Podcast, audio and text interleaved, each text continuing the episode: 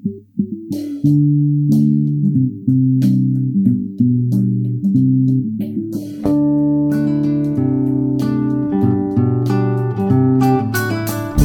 oddaja mladina je zate, novice resnice same bogate. Če nimaš nas časa, da bi skočil na net, poslušaj reč nas, kaj je noga na svet. Od zdrave do zgoje in malce politike, ljubezen šport in kako boste bitke, kako je med vozi, kako je v naravi. Povejo skavti v prvi postavi, da boste vrednota, le treba je živeti. Tebi in drugim bo lepši ta svet, zajemi srca z najboljšega vira, naša frekvenca je prava izbira. Ladoskop. Ladoskop. Ladoskop. V tokratno oddajo smo povabili Jureta Ferleža, župnika v Dobu, voditelja Škofijske komisije za pastoralo poklicanosti in nove duhovne poklice. Jure, lepo pozdravljeni. Ja, lepo pozdravljeni, hvala za povabilo.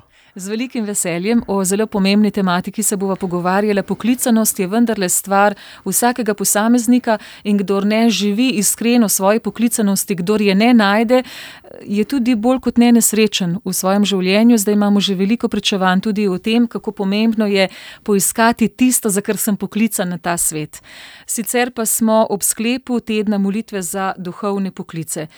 Jure, kako ste vi odkrivali svojo poklicanost? Um, ja, hvala za povabilo še enkrat. Hvala za to, ker um, smemo tudi preko medija, preko Radio Ognišče deliti uh, to spodbudo cerkve. Predvsem se mi zdi pomembno, da odkrivamo, kako pomembno je, da vsi skupaj delamo za nove duhovne poklice in kako je poklicanost del vem, našega življenja. Ne smo poklicani v življenje, poklicani smo v krščansko vero in tudi v način življenja po tej veri. Sam, tako, ko se oziram nazaj z eno tako močno hvaležnostjo, se sam sebi zdim kot morda apostol Pavel. Veste, tako se mi zdi, uh, apostol Pavel je ena taka, morda v začetku ena črno-bela figura naše vere ali pa naše cerkve. Najprej je gorel za svoje očetna izročila za judovstvo, kot sam pravi, potem se je spreobrnil in z enako nemo, pa še z večjo močjo, pa z božjim blagoslovom, gorel še za tisto, kar je bilo Jezusovo, za božje kraljestvo. In nekaj podobnega tudi sama, ne? tudi sam sem v svojem življenju vstopil, ker sem bil pač tako vzgojen, ne preveč v crkvenem vzdušju, ozračju. Mama pa oče sta bila iz različnih okolij, mama iz zelo vernega, oče iz manj vernega ali pa nevernega. In to se je nekako tako kot pri Pavlu teplo tudi pri meni. Po eni strani sem bil en vikend uh, na Dolenskem, kjer je bila morda stara mama ena izmed glavnih molilk na vasi, po drugi strani sem čez teden preživljal doma, kjer je bila stara mama bolj kot ne pripadnica ali pa nosilka morda bolj te miselnosti pol pretekle zgodovine. Krasna ženska, odlična stara mati, ampak vrednote se pa vendarle niso pokrivale. In v tem vzdušju sem bil vzgojen, sem odraščal in ta neka morda schizofrena miselnost um, se je kazala v nekem mojem življenju. Um, hkrati sem bil enkrat tak, potem čez dva dni spet drugačen, potem enkrat sem mogel to govoriti, drugič to. Spomnim se enkrat, ko sem stari mami na dolenskem razlagal, češ, kako je sme, smešna, pa zatopljena, ko pa je vendarle vsi govorijo, da ni Boga. In po drugi strani, ko sem se pogovarjal z mojo staro mamo tu v Ljubljani, sem morda vedno znova doživljal to, da, da pa morda pa še kaj drugega je. No. In tudi se spomnim enega, ene pogovore, enega pogovora z mojo, morda manj verno, no, težko rečem, neverno mamo, manj verno mamo, ki je enkrat rekla, ko smo se pogovarjali o njeni prijateljici, je rekla: No, veš kaj, to pa tudi jaz Bogu ne dam prav, da tako naredi. Skratka, v nekem takem zosu, veste, če tako rečem, um, sem odraščal. In enkrat se spomnim, ko se je moja mama leta 91 tako malo samosvojila in je postala morda malce bolj odločna, in takrat sva šla oba z, z bratom v crkvo, oziroma k veruku, in potem seveda tudi k sveti Maši. In to je bil en tak, recimo, en, ena prelomnica v mojem življenju. Nisem najraje hodil k veruku, zato ker je pač župnik bil mnenja, da bi pač, če tudi sem v šestem razredu, kar prvičkom šel k veruku in to za enega ta zgodršejočka mladca, ni bilo najbolj prijetno ali pa mečka ni bilo v nasprotju z neko samozavestno miselnostjo, ki se včasih v takih mladih fantih odkriva. Ampak hkrati sem postal zelo, zelo, zelo domač v župni. In ena stvar, ki sem jo najprej osvojil, in še danes, sploh ne vem kako. Kar enkrat se pač je zgodilo, je to, da sem zelo, zelo veliko molil. Znal sem tri molitve, oče na zdravo Marijo in sveti Angel, in te molitve sem tako kombiniral, to pa to za onega, prvo pa tretjo za drugega, drugo pa tretjo za onega. Tako. In to je bilo ena taka polurna vsako večerna molitev, ki sem imel kar tako slabo vest, če nisem molil. Se mi zdi, da to je en del. Vem, enega mojega življenja je večerna molitev. Je ta dolga večerna molitev, ki pa je bila vedno namenjena za neke druge, sem imel kar eno tako dožnost, da sem se pogovarjal z Bogom. In to me je zelo, zelo, zelo, zelo spremljalo in navdihovalo in spodbujalo. Se mi zdi, da ta molitev je bila gotovo um, ena izmed temeljnih, recimo, poudarkov mojega mladostnega življenja, spoh tam, recimo, do konca osnovne šole. Potem gotovo. Zgled domačega duhovnika, župnika Anton Markel, je bil res taka pojava. Če rečem, faca, morda premalo povem, bil je hkrati mentor, pa hkrati zgled, pa hkrati en tak hudomušen, kot neke vrste duhovni oče, ki nas res zna vzbrati, spodbuditi, hkrati tudi pa počasi, neusiljivo peljati uh, skozi to mladostno obdobje. Um, da se razumemo, ne, veste. Meni so bile začetne maše tudi do konca, morasto dolgočasne. In jaz se spomnim, koliko smo preklepetali v cerkvi, veste. Ampak skozi ta klepet smo ustali. Veste, in je bilo potem tudi možnost, da je človek poglobil, razširil svoj pogled, vstopil v samo skrivnost. Potem naslednja stvar, ki gotovo moram reči, so bile te naše srečanja ali pa tako imenovane duhovne vaje v Bohinju, srednja vas v Bohinju, zgoraj tam je župnišče, pa zgoraj potem crkvica.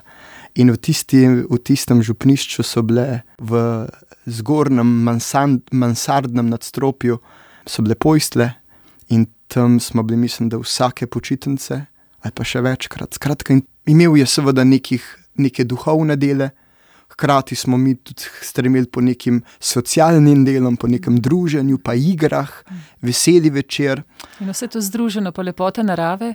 Ja, pa potem, seveda, poleti smo hodili proti, proti jezeru, pa se kopali, po zimi potem morda um, do kakšnih zajamnikov.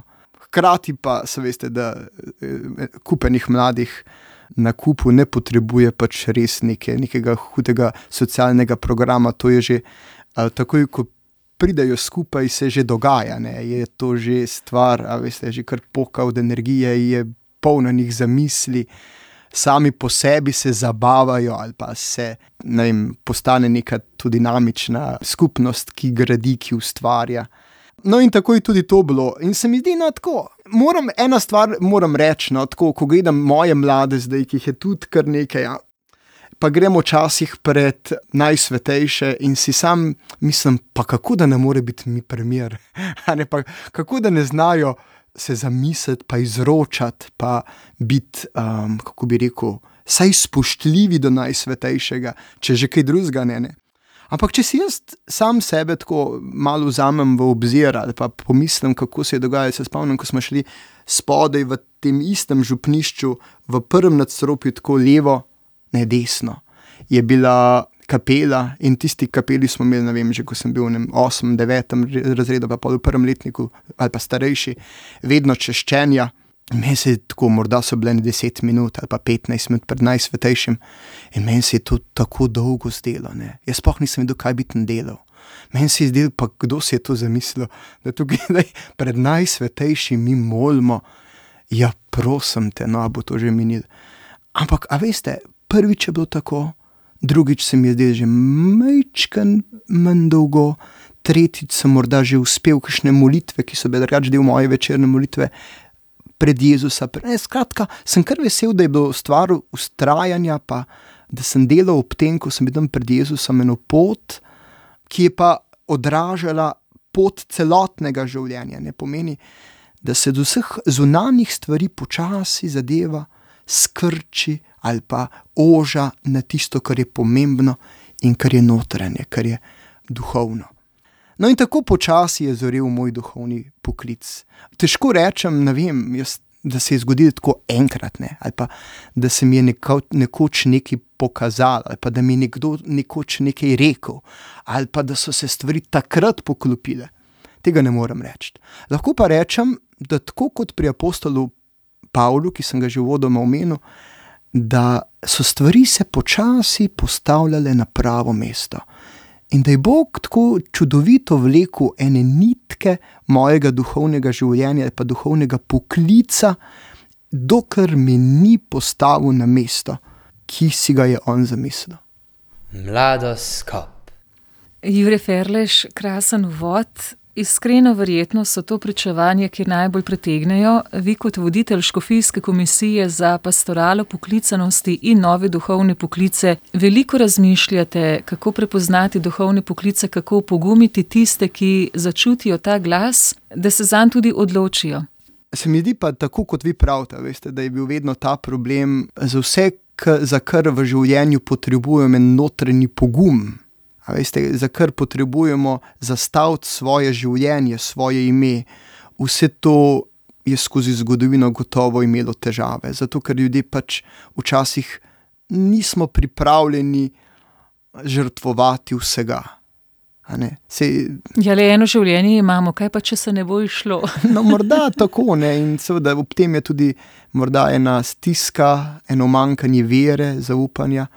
No, Če se vrnem nazaj k vašemu vprašanju, mi govorimo o tem, kako govoriti. Morda ravno s, s tem, da nič ne govorimo. Da pre, že tako in tako se mi zdi, da preveč govorimo. Ob tem uporabljamo morda besedoslovje, izrazoslovje, ki ga ne razumemo, ali včasih največ okoli te poklicanosti in tako naprej. Meni se zelo pomembno zdi, da ustvarjamo in to se tako tudi želim letos zapeljati, ta teden molitve za duhovne poklice, namreč da ustvarjamo ozračje, v katerem se bo lahko vsak odločil za to, kar je. In da skupaj z mladimi, malce starejšimi ali pa tudi starejšimi, skupaj iščemo, pa ne samo za mlade, ampak za vse ljudi njihovo življenjsko poslanstvo. A veste, ker to danes ni to samo vprašanje, ali bomo imeli dovolj duhovnih poklicev. Je tudi vprašanje, ali bomo imeli dovolj zdravnikov, ki bodo srečni v tem, kar delajo in ki bodo lahko sedaj na razpolago, dovolj pravnikov, veste, dovolj ne vem, nekih biologov, pač naravoslovcev, družboslovcev.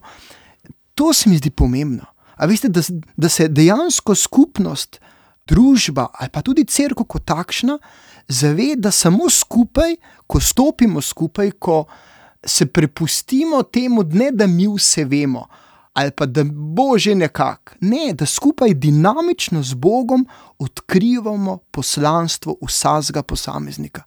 Jaz mislim, da je to odgovor. In tukaj ima seveda, nima več, ne vem, toliko nekega dela, moj ego, češ kaj bi pa rad bil, ali pa kaj je pa danes cenjeno, ali pa kaj pa danes prinaša denar, ali pa kje pa bodo največje koristi za naše življenje. Morda je tega danes čisto preveč, ampak veste, da, da vsi skupaj skušamo mladim in starejšim stati ob strani in jim pomagati pri njihovem iskanju. Z vso iskrenostjo, z vso predanostjo, ne da jaz vem, ampak da Bog ve. In če bomo ustvarjali tako ozračje, v katerem bo imel, bo imel glavno besedo Bog, Jezus, um, potem sem prepričan, da ne more drugače biti, kot da bomo imeli dovolj duhovnih poklicev, dovolj ostalih poklicev in dovolj ljudi, ki bodo z vsem žarom, z vsem ognjem, s ljubeznijo delali točno to, za kar so poklicani. In se mi zdi, um, da to ni samo poslanstvo tistih vem, starejših mam ali pa gospe, ki že itak tako veliko molijo za duhovne poklice, ali pa nekih molitvenih ur. Uh, duhovnikov, samih škofov, diakonov, posvečenih, redovnic in redovnikov, ampak da je to stvar vsake župnijske skupine, tudi pevskega zbora, če hočete, stvar vsake družine, širše družine, da, da res iskreno odkriva svet, ki je v nekem človeku in to njegovo posebnost skuša izluščiti in ga v tem, tej posebnosti tudi malce potisniti ali pa spremljati na tej njegovi poti poklicanosti, točno v ta poklic. To se mi zdi, da je torej, manj govoriti ali pa govoriti v smislu enega odkrivanja ali pa grajenja ozračja, v katerem bo lahko vsak to, kar pač je Bog položil v njegovo srce. Mladoskop.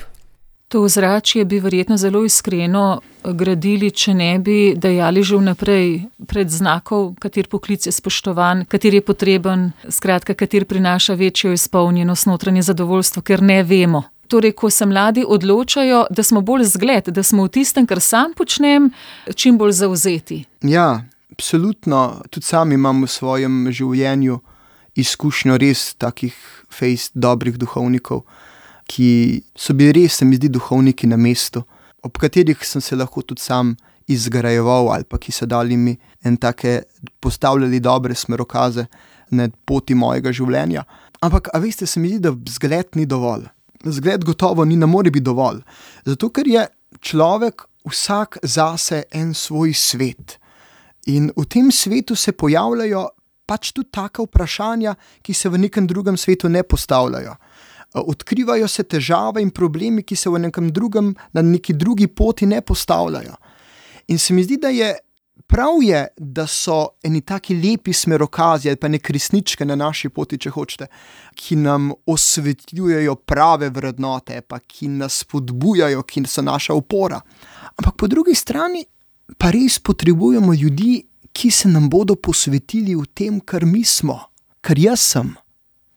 In bodo začutili to mojo, kako bi rekel, posebnost, no, tako kot sem že rekel, enkratnost in me v tem, kar sem nagovoril in usmeril. To pa pomeni, da moram biti radoveden, se iskreno zanimati za drugega, ne ga spremljati in ga opazovati. Točno to. Ja. Ampak, sej, a veste, ne potrebujemo nekaj, kar ne znamo. A veste, mi jaz ne govorimo, ne, da bi mogli veliko spremeniti, ampak samo dejansko morda več poslušati, če se vrnemo nazaj na izhodiščno vprašanje, kot pa govoriti. Tako bolj človeka začutiti in pa z njim iskati, kot pa morda že vnaprej vedeti, kaj in kako. In je to nek nač, nov način, ampak hkrati odkrivanje, a veste, nekaj, nekaj, kar je že Jezus delal, a veste, ko je klical apostole in skušal jih nagovoriti v tistem, kar so bili. In ko so se skozi celo življenje ljudje odločali za Jezusa, se, se niso odločali samo za duhovne poklice se, se, se odločili tudi za zakon, se odločili za vse ostale vrste poklicanosti. In ravno to se mi zdi pomembno, tako, da smo odprti za to, kar se v nekem človeku dogaja. In da tega ne zatiramo, ampak stojimo na poti, tudi če nam to morda ni najbolj všeč. In tukaj bi posebno apeliral, veste, na morda kakšne družine ali pa širše družine, ko morda.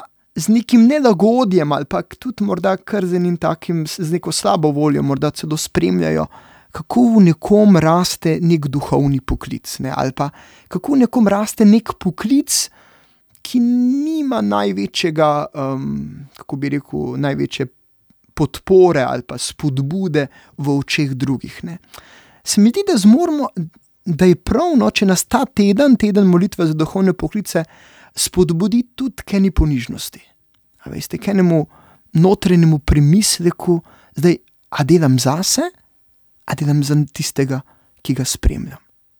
A želim njega pripeljati k temu, kar ga bo potrdilo in kar bo njegovo veselje, in za kar je konec koncev bil ustvarjen, ali ga želim odpeljati nekam drugam, ker bo pač še vedno morda srečen. Se neč ne rečem, da človek druge pa ne more eh, najti pač nekega, nekega osnovnega veselja. Gotovo more in tudi Bog blagoslavlja tudi če kaj drugega, kot samo tisto pot, ki jo je primarno določil za nekoga. Ampak vseeno se mi zdi, da je ob tem en tak, en tak rahu kisel priokus. Da dejansko tista pot, ki je bila postavljena, ali pa ki smo jo odkrili, ali pa ki se nakazuje, smo jo sami zaradi ene take, morda lastne utesnjenosti v neka ne vem, eh, notranja pravila, kaj bi mogli biti, kako bi mogli biti, postavljamo na klin in usmerimo človeka v nekaj, kar pa ne bo morda primarno prinašalo toliko veselja, kot bi mu morda lahko tista prva pot. In se mi zdi tudi ena taka spodbuda, no, se pravi, ta teden za vse, za vse vem, starše, stare starše, tete, strice. A veste, da za res, ko skup, stopimo skupaj in skušamo nekaj narediti za te mlade, ki se odločajo. S tem, da jim prisluhnemo in tako skušamo pravilno svetovati in usmeriti. Mladoskop. Še en poudarek, Jurek Ferleš. Vi ste župnik v Dobu, voditelj Škofijske komisije za pastoralo poklicanosti in nove duhovne poklice. Duhovnost je v vsakem, vsak od nas je duhovnik, misionar, prečuje v svojem okolju s tem, kar je, kar govori, kar spodbuja, kar gradi, kar prinaša v to družbo. Zdaj je pa že kar dokazano na več nivojih, da kdor duhovnega v sebi ne goji, je slej ali prej eh, tudi precej nezadovoljen, neizpolnjen, neko ravnovesje se izgublja, prekluže prihajajo sem številne raziskave. No pa je zanimivo, da je že Anton Trstenjak raziskoval v 60-ih v ameriški družbi eh, ta paradoks da ko se je izgubljal pomen duhovnega, ni, ni bilo tistega podstata, tistega žmaha, ni bilo temeljev. Mm. Pa tu ne gre za neko religiozno stari vero, prepričanje, ampak preprosto, da zanikaš en del sebe, ki je tako vse prisoten. Mm. Ja, vsekakor, če zdaj gremo nazaj na vprašanje, kako sploh ponuditi današnjemu človeku duhovno, meni se di najprej temeljno je, da to zadevo, torej duhovno, božje, sveto, normaliziramo. A veste, da je to ena stvar, ki jo ima vsak in ki jo ni potrebno skrivati, in ki ni niti načeloma tako zelo osebna. Mislim, je hkrati osebna in hkrati je splošna. V smislu tega, da vsak doživlja to svojo duhovnost, vsak jo morda na nek svoj način poimenuje. Ampak izkušnja je pa tako obča, da ne vem, zakaj jo želimo tako spraviti na nek notranji, na notranjo osebno raven. In zakaj o tem ne govorimo na splošno? In se mi zdi to prvi korak, gotovo ena normalizacija ali pa narediti duhovno za splošno pričujoče pomeni za nekaj, kar vsak doživlja in o katerem bi lahko vsak govoril. In jaz mislim, da tudi tako, veste, ko, ko se doživljam, imam izkušnjo, vem, ko obiskujem do, družine, da najprej so seveda te neki čist taki tehnični um, poudarki, ne ki jih župnik doživlja, kako se imajo, kakšno je. In potem po ne pol ure pa kakšno urco dogajanja ali pa um, obiska, se pa začnejo odstirati na take, recimo, duhovne izkušnje duhovne težave, spodbude, ki potrebujejo dejansko um, morda neko tenkočutno spremljanje. In kar naenkrat ugotoviš, da dejansko vsak prihaja z neko duhovno izkušnjo, vsak prihaja z, nek, z nečem, kar Bog v njem prav posebej deluje. In zato pravim, da prva stvar, ki bi bila potrebna, je to, da duhovno zgubi pečat pretirano osebnega, ampak postaje nekaj občega, nekaj, o čemer dejansko lahko vsi govorimo. Druga stvar, se mi zdi, ko govorimo o duhovnosti, je težava to, da včasih tudi mi, kot predstavniki cerkve, preveč govorimo o tem, kako bi mogli biti. A veste, kaj bi mogli biti, zakaj, kako, zakaj ni. Se mi zdi, da premalo izhajamo iz tega, iz prav posebna, posebne in osebne izkušnje vsakega posameznika. In ga tam, kjer ga Bog nagovarja, potem peljemo tudi k neki rasti, pa k neki globini. Um, se mi da včasih, ne vem, tudi crkva ali pa tudi katoliška duhovnost ravno tukaj izgublja. Veste, da je pre, preveč teh, ko bi rekel, ne vem, nekih imperativov, no, morda to je še najboljš, ne, kaj bi mogli biti in kako bi mogli biti. Ne. In se ob tem, že dokler dobimo nek predsodek, ko se z nekom pogovarjamo, poglej, kje pa je, sej ta, to pa se skupaj načini. Ne. Ampak, ne vem, smo zgazgubani, se mi zdi. Se mi zdi, da ne, tam, kjer je, tam mu je potrebno, tako kot Petru, ki se je potapljal, ne, ali pa je, ko, ko, ko je najbolj blestev, vedno je držal Jezusa za roko. No. In tam mu je treba ponuditi to roko. In se mi zdi, da danes je res, se mi zdi, svet, spoh pa ta korona, čas ima izjemno bogate duhovne izkušnje. Uh, ljudje so veliko doma, veliko sami. Tudi veliko imajo časa za premišljanje, in se mi zdi, da se jih da se jim Bog na prav poseben način dotika. In se mi zdi, da tu, v, prav v tej njihovi duhovni izkušnji, bi jih mogli ujeti, bi jih mogli spodbuditi, bi jih mogli, kako bi ti rekel, bi mogli pomagati in jim potem stopničko za stopničko voditi ali pa jim pomagati, da na to nadgrajujejo. No, in to se mi zdi dve glavni podarki. Torej, najprej normalizacija tega, kar se vsem dogaja, in po drugi strani aktualizacija to, kar vsak nosi, pomeni to, kar ima, to, v čemer ga Bog nagovarja in tam mu pomagati naprej. Se mi zdi, da tukaj imamo kar velik težav s tem, v tem jih najdete ali pa v tem jih utrditi ali pa potrditi in jih povabiti bliže k Jezusu, povabiti en korak bliže nebesom. Tako se mi zdi, da imamo zelo hitre predsotke. Preveč in tudi potem nas te predsotke ohromijo, da ne moremo nič pametnega narediti. Mladost. Skop. Globoki, tudi presenetljivi premisliki v marsikakšnem poudarku. Gospod Jure Ferleš, vam želimo uspešno delo pri pastorali poklicanosti. Ja, hvala. Ob tem, ko sam v sebi odkrivam, kaj Bog v mojem življenju dela, zmorem pomagati tudi drugim.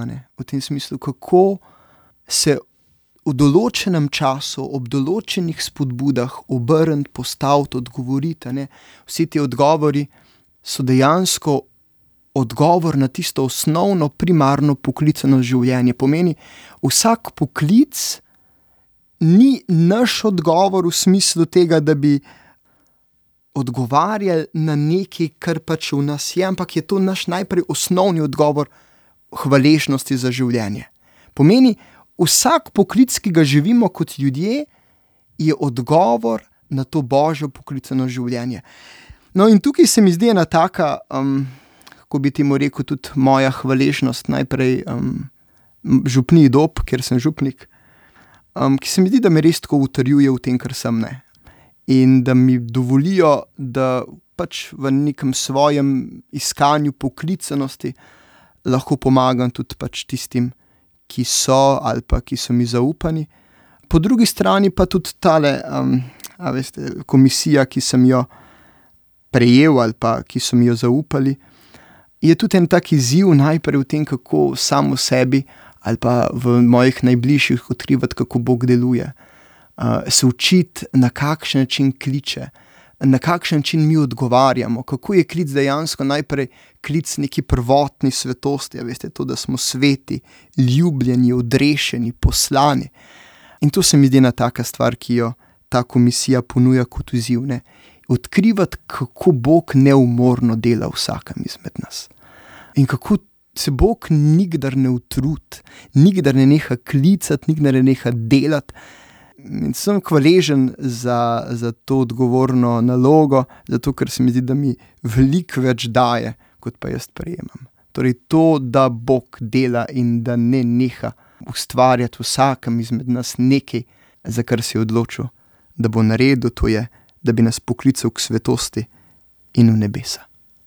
Hvala lepa za pogovor, za to srečanje pred radijskim mikrofonom. Skoraj da tik pred sklepom letošnjega tedna molitve za duhovne poklice, samo po sebi se ponuja, vsak od nas naj stori kar le lahko, kolikor zmore.